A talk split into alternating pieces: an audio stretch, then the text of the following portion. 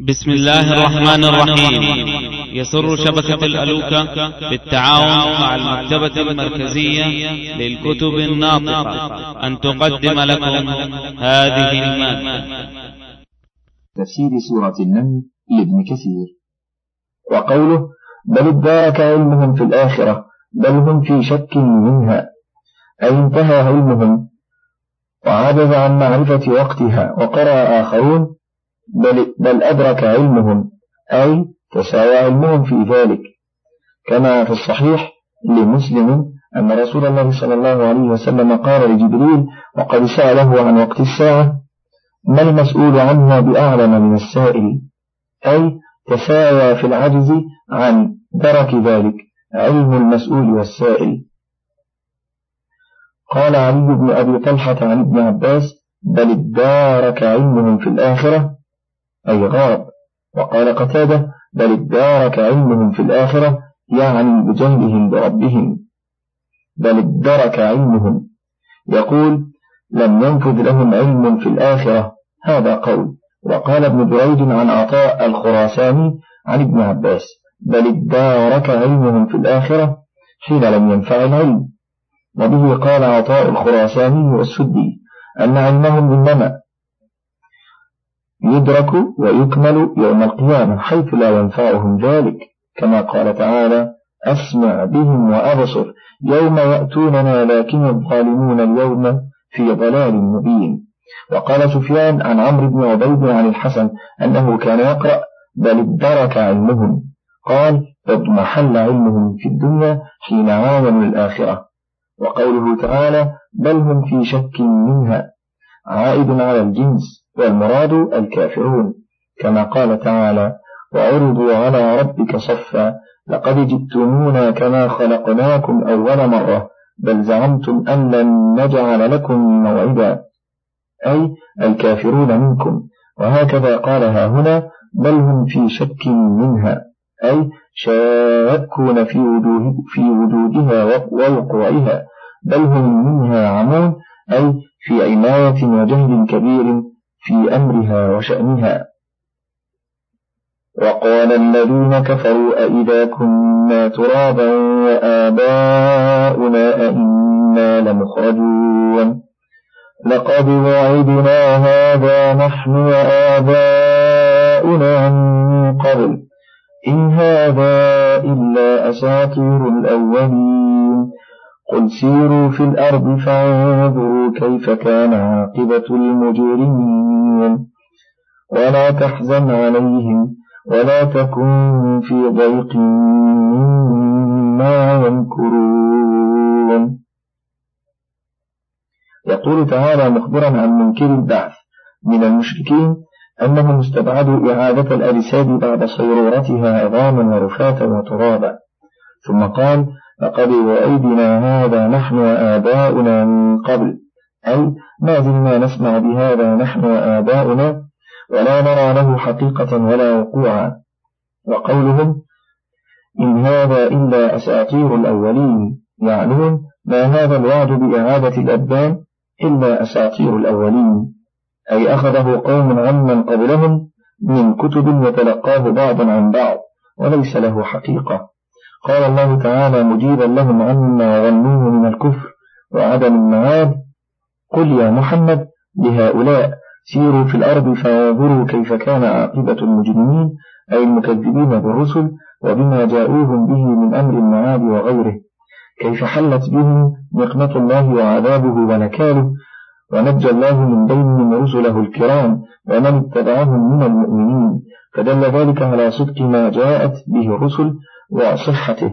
ثم قال تعالى مسليا لنبيه صلى الله عليه وسلم ولا تحزن عليهم أي المكذبين بما جئت به ولا تأسف عليهم وتذهب نفسك عليهم حسرات ولا تكون في ضيق مما يمكرون أي في كيدك ورد ما جئت به فإن الله مؤيدك وناصرك ومظهر دينك على من خالفه وعانده في المشارق والمغارب.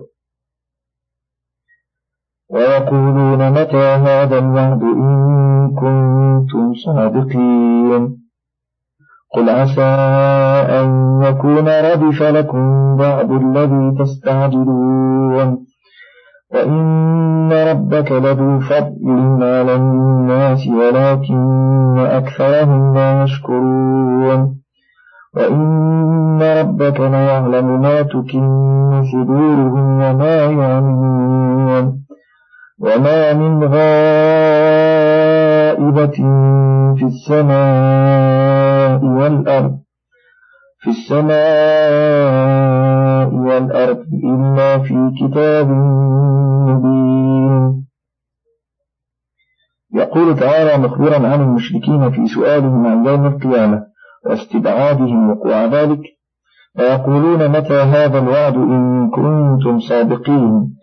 قال الله تعالى مجيبا لهم قل يا محمد عسى أن يكون ردف لكم بعض الذي تستعجلون. قال ابن عباس أن يكون قرب أو أن يقرب لكم بعض الذي تستعجلون. وهكذا قال مجاهد والضحاك وعطاء الخراساني وقتادة والسدي. وهذا هو المراد بقوله تعالى ويقولون متى هو؟ قل عسى أن يكون قريبا. وقال تعالى فيستعجلونك بالعذاب وإن جهنم لمحيطة بالكافرين. وإنما دخلت اللام في قوله ردف لكم؟ لأنه ضمن معنى عجل لكم. كما قال مجاهد في رواية عنه عسى أن يكون ردف لكم عجل لكم. ثم قال الله تعالى وإن ربك لذو فضل على الناس أي في إسبابه نعمه عليهم مع ظلمهم لأنفسهم وهم مع ذلك لا يشكرونه على ذلك إلا القليل منهم. وإن ربك ليعلم ما تكن صدورهم وما يعلمون أي يعلم الضمائر والسرائر كما يعلم الظواهر. سواء منكم من أسر القول ومن جهر به يعلم السر وأخفى. ألا حين يستغشون ثيابهم يعلم ما يسرون وما يعلمون ثم أخبر تعالى بأنه عالم غيب السماوات والأرض وأنه عالم الغيب والشهادة وهو ما غاب عن العباد وما شاهدوه. فقال تعالى وما من غائبة قال ابن عباس يعني وما من شيء في السماء والأرض إلا في كتاب مبين وهذه كقوله ألم تعلم أن الله يعلم ما في السماء والأرض؟ إن ذلك في كتاب إن ذلك على الله يسير. إن هذا القرآن يقص على بني إسرائيل أكثر الذي هم فيه يختلفون. وإنه لهدى ورحمة للمؤمنين. إن ربك يقضي بينهم بحكمه وهو العزيز العليم. فتوكل على الله إنك على الحق المبين. إنك لا تسمع الموتى ولا تسمع الصم الدعاء إذا ولوا مدبرين. وما أنت بهاد الأمن عن ضلالتهم إن تسمع إلا من يؤمن بآياتنا فهم مسلمون. يقول تعالى مخبرا عن كتابه العزيز وما اشتمل عليه من الهدى والبيان والفرقان أنه يقص على بني إسرائيل وهم حملة التوراة والإنجيل أكثر الذي هم فيه يختلفون كاختلافهم في عيسى وتباينهم فيه فاليهود افتروا والنصارى غلوا فجاء القرآن بالقول الوسط الحق العدل أنه عبد من عباد الله وأنبيائه ورسله الكرام عليه أفضل الصلاة والسلام. كما قال تعالى ذلك عيسى بن مريم قول الحق الذي فيه يمترون وقوله وإنه لهدى ورحمة للمؤمنين. أي هدى لقلوب المؤمنين به ورحمة لهم في العمليات. ثم قال تعالى إن ربك يقضي بينهم أي يوم القيامة بحكمه وهو العزيز أي في انتقامه العليم بأفعال عباده وأقوالهم. فتوكل على الله أي في جميع أمورك وبلغ رسالة ربك. إنك على الحق المبين. أي أنت على الحق المبين. وإن خالفك من خالفك. ممن كتبت عليه الشقاوة. وحقت عليهم كلمة ربك أنهم لا يؤمنون. ولو جاءتهم كل آية. ولهذا قال تعالى إنك لا تسمع الموتى. أي لا تسمعهم شيئا ينفعهم. فكذلك هؤلاء على قلوبهم غشاوة. وفي آذانهم وقر الكفر. ولهذا قال تعالى ولا تسمع الصم الدعاء إذا ولوا مدبرين. وما أنت بهادي العلم عن ضلالتهم إن تسمع إلا من يؤمن بآياتنا فهم مسلمون. أي إنما يستجيب لك من هو سميع بصير. السمع والبصر النافع في القلب والبصيرة الخاضع لله ولما جاء عنه على ألسنة الرسل عليهم السلام. وإذا وقع القول عليهم أخرجنا لهم دابة من الأرض تكلمهم أن الناس كانوا بآياتنا لا يوقنون. هذه الدابة تخرج في آخر الزمان عند فساد الناس وتركهم أوامر الله وتبديلهم الدين الحق. يخرج الله لهم دابة من الأرض قيل من مكة. وقيل من غيرها كما سيأتي تفسيره إن شاء الله تعالى.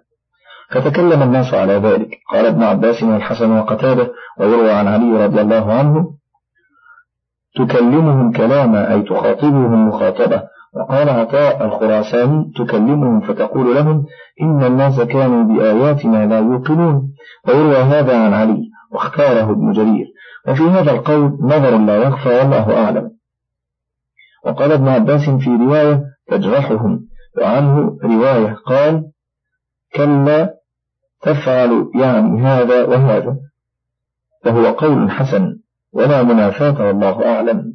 وعنه رواية قال كلا تفعل يعني هذا وهذا وهو قول حسن ولا منافاة الله أعلم. وقد ورد في ذكر الدابة أحاديث وآثار كثيرة فلنذكر منها ما تيسر والله المستعان.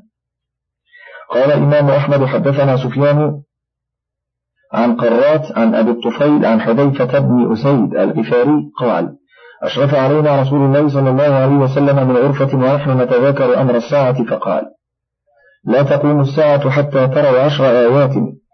طلوع الشمس من مغربها والدخان والدابة وخروج يأجوج ومأجوج وخروج عيسى بن مريم عليه السلام والدجال وثلاثة كسوف وثلاثة خسوف خصف بالمغرب وخصف بالمشرق وخصف بجزيرة العرب.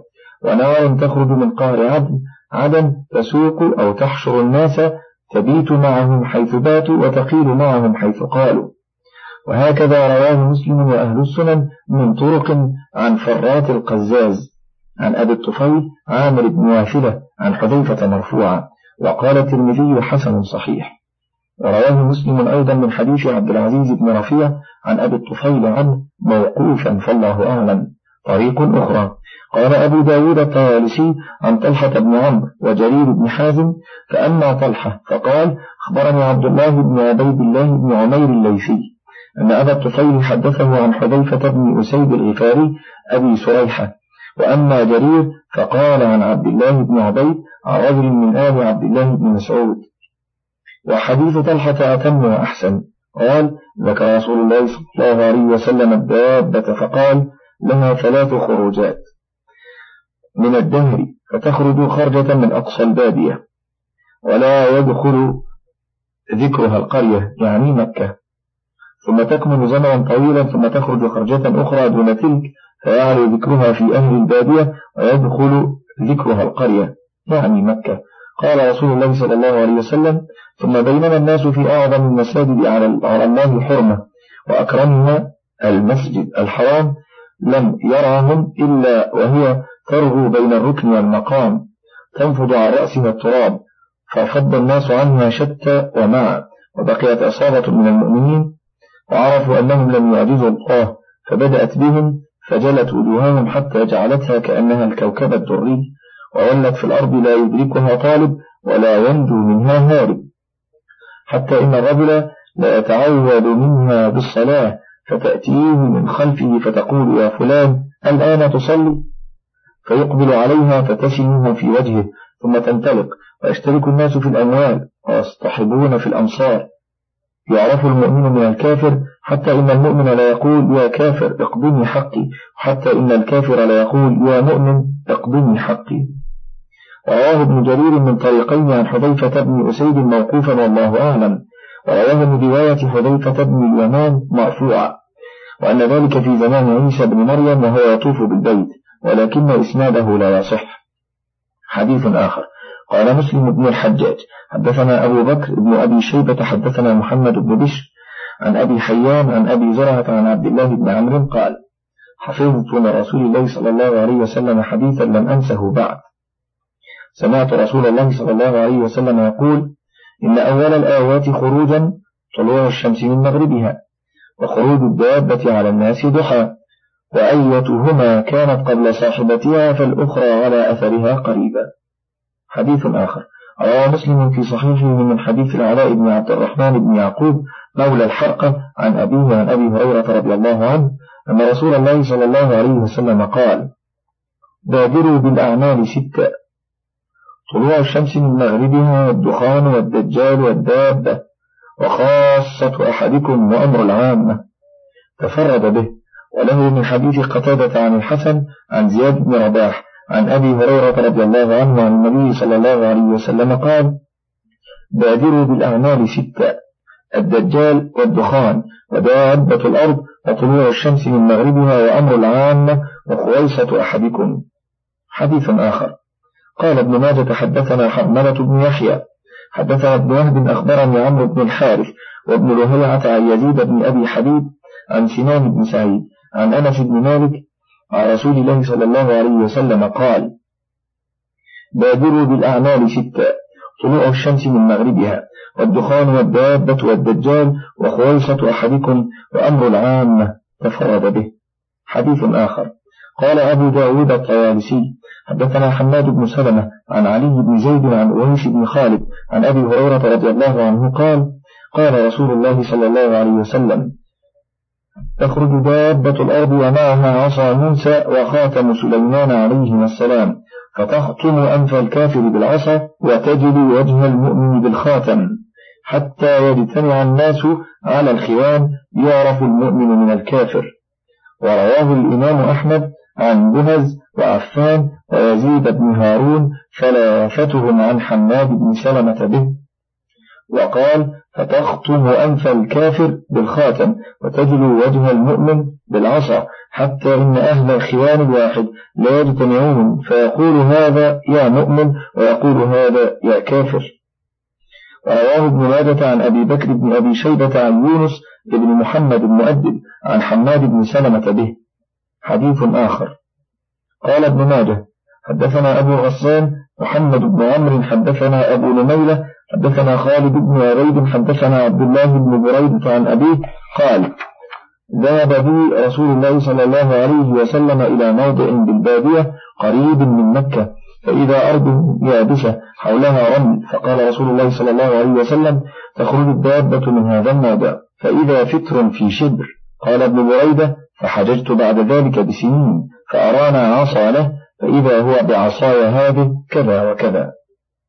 وقال عبد الرزاق أخبرنا معنى عن قتادة أن ابن عباس قال هي دابة ذات زغد لها أربع قوائم تخرج من بعض أودية تهامة. وقال ابن أبي حاتم حدثنا أبي حدثنا عبد الله بن رجاء حدثنا فضيل بن مرزوق عن عطية قال قال عبد الله تخرج الدابة من صدع في الصفا كجبي الفرس ثلاثة أيام. لم يخرج ثلثها. وقال محمد بن إسحاق عن أبان بن صالح قال سئل عبد الله بن عمرو عن الدابة فقال الدابة تخرج من تحت صخرة بجياد. والله لو كنت معهم أو لو شئت بعصاي الصخرة التي تخرج الدابة من تحتها. قيل فتصنع ماذا يا عبد الله بن عمرو؟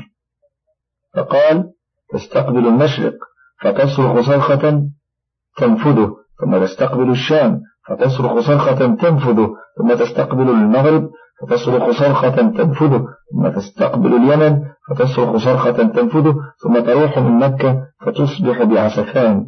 قيل ثم ماذا؟ قال ثم لا أعلم. وعن عبد الله بن عمر أنه قال تخرج الدابة ليلة جمع.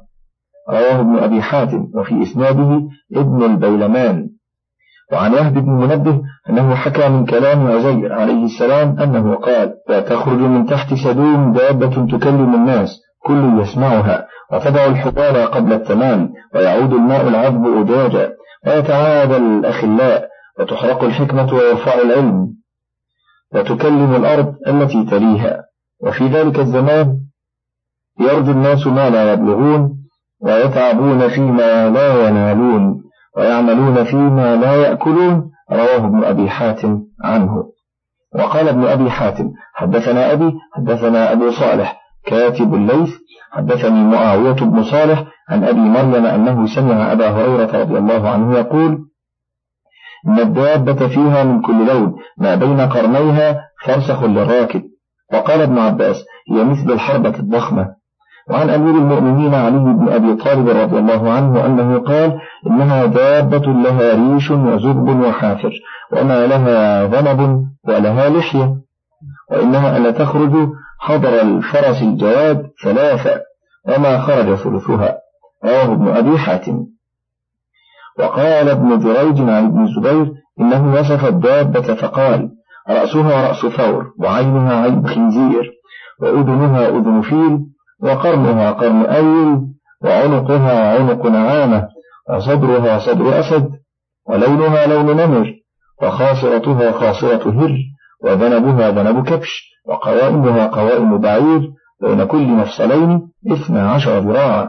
تخرج معها عصا موسى وخاتم سليمان فلا يبقى مؤمن إلا نكتت في وجهه بعصا موسى نكتة بيضاء. فتفشو تلك النكتة حتى يبيض لها وجهه. ولا يبقى كافر إلا نكتت في وجهه نكتة سوداء بخاتم سليمان. فتفشو تلك النكتة حتى يسود بها وجهه حتى إن الناس يتبايعون في الأسواق بكم ذا يا مؤمن بكم ذا يا كافر. وحتى إن أهل البيت يجلسون على مائلتهم فيعرفون مؤمنهم من كافرهم. ثم تقول لهم الدابة يا فلان أبشر أنت من أهل الجنة ويا فلان أنت من أهل النار. فذلك قول الله تعالى وإذا وقع القول عليهم أخرجنا لهم دابة من الأرض تكلمهم أن الناس كانوا بآياتنا لا يوقنون. ويوم نحشر من كل أمة فوجا من يكذب بآياتنا فهم يوزعون. حتى إذا جاءوا قال أكذبتم بآياتي ولم تحيطوا بها علما. ألم تحيطوا بها علما أم ماذا كنتم تعملون ووقع القول عليهم بما ظلموا فهم لا ينطقون ألم يروا أنا جعلنا الليل ليسكنوا فيه والنهار مبصرا إن في ذلك لآيات لقوم يؤمنون يقول تعالى مخبرا عن يوم القيامة وحشر الظالمين من المكذبين بآيات الله ورسله إلى بين يدي الله عز وجل ليسألهم عما فعلوه في الدار الدنيا تقريعا وتوبيخا وتصغيرا وتحقيرا. فقال تعالى ويوم نحشر من كل أمة فوجا أي من كل قرن وقوم فوجا أي جماعة ممن يكذب بآياتنا كما قال تعالى احشروا الذين ظلموا وأزواجهم. وقال تعالى وإذا النفوس زوجت. وقوله تعالى فهم يوزعون قال ابن عباس رضي الله عنهما يدفعون. وقال قتادة وزع. تعد أولهم على آخرهم. وقال عبد الرحمن بن, سيد بن زيد بن أسلم يساقون. حتى إذا جاءوا ووقفوا بين يدي الله عز وجل في مقام المساءلة قال أكذبتم بآياتي ولم تحيطوا بها علما؟ أم ماذا كنتم تعملون؟ أي فيسألون عن اعتقادهم وأعمالهم.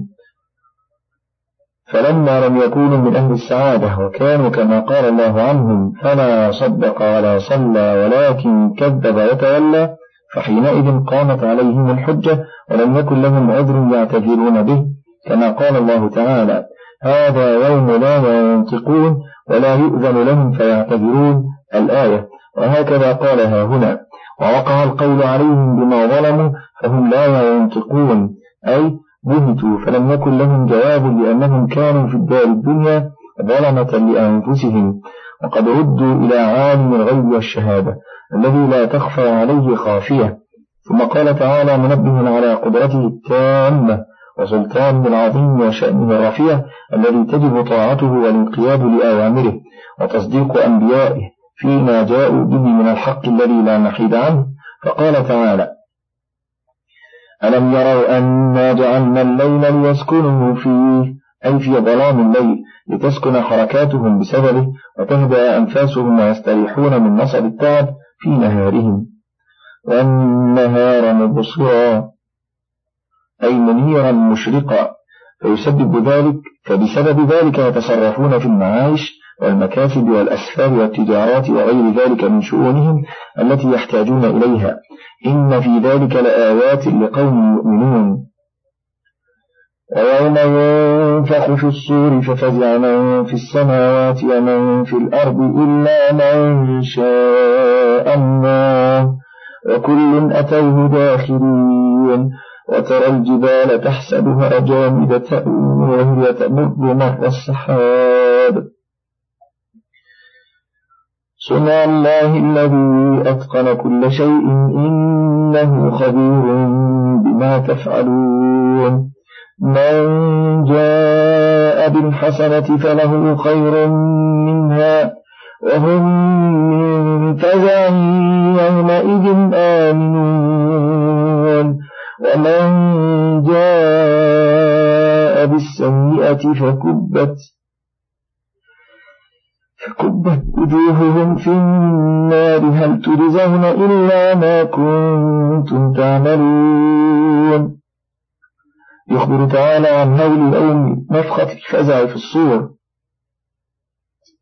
وهو كما جاء في الحديث قرن منفخ فيه وفي حديث الصور إن إسرافيل هو الذي ينفخ فيه بأمر الله تعالى. فينفخ فيه أولا نفخة الفزع ويطولها وذلك في آخر عمر الدنيا حين تقوم الساعة على شرار الناس من الأحياء. فيفزع من في السماوات ومن في الأرض إلا من شاء الله وهم الشهداء. فإنهم أحياء عند ربهم يرزقون. قال الإمام مسلم بن الحجاج حدثنا عبيد الله بن معاذ العنبري حدثنا أبي حدثنا شعبة عن النعمان بن سالم سمعت يعقوب بن عاصم بن عروة بن مسعود الثقفي سمعت عبد الله بن عمرو رضي الله عنه وجاءه رجل فقال ما هذا الحديث الذي تحدث؟ أن الساعة تقوم إلى كذا وكذا. فقال سبحان الله. أو لا إله إلا الله أو كلمة نحوهما. لقد هممت ألا أحدث أحدا شيئا أبدا. إنما قلت إنكم سترون بعد قليل أمرا عظيما. يخرب البيت ويكون ويكون. ثم قال قال رسول الله صلى الله عليه وسلم يخرج الدجال في أمتي فيمكث أربعين. لا أدري أربعين يوما أو أربعين شهرا أو أربعين عاما. فيبعث الله عيسى ابن مريم كأنه عروة بن مسعود فيطلبه فيهلكه ثم يمكث الناس سبع سنين ليس بين اثنين عداوة. ثم يرسل الله ريحا باردة من قبل الشام فلا يبقى على وجه الأرض أحد في قلبه مثقال ذرة من خير أو إيمان إلا قبضته. حتى لو أن أحدكم دخل في كبد جبل لدخلته عليه حتى تقبضه. قال سمعتها من رسول الله صلى الله عليه وسلم. قال فيبقى شرار الناس في خفة الطير وأحلام السباع لا يعرفون معروفا ولا ينكرون منكرا. فيتمثل لهم الشيطان فيقول ألا تستجيبون؟ فيقولون فما تأمرنا؟ فيأمرهم بعبادة الأوثان وهم في ذلك دار رزقهم حسن عيشهم. ثم ينفخ في الصور فلا يسمعه أحد إلا أصغى ليتا ورفع ليتا. قال وأول من يسمعه رجل يلوت خوض إبله. قال فيصعق ويصعق الناس. ثم يرسل الله أو قال ينزل الله مطرا كأنه الطل أو قال الظل. شعبة الشاك. فتنبت منه أجساد الناس ثم ينفخ فيه أخرى فإذا هم قيام ينظرون. ثم يقال يا أيها الناس هلموا إلى ربكم وقفوهم إنهم مسؤولون. ثم يقال أخرجوا بعث النار. فيقال من كم؟ فيقال من كل ألف تسعمائة وتسعة وتسعون. قال فذلك يوم يجعل الولدان شيبا. وذلك يوم يكشف عن الساق وقوله ثم ينفخ في الصور فلا يسمعه أحد إلا أصغى ليتا ورفع ليتا. الليت هو صفحة العنق. أي أمال عنقه ليستمعه من السماء جيدا. فهذه نفخة الفزع. من فضلك تابع بقية المادة.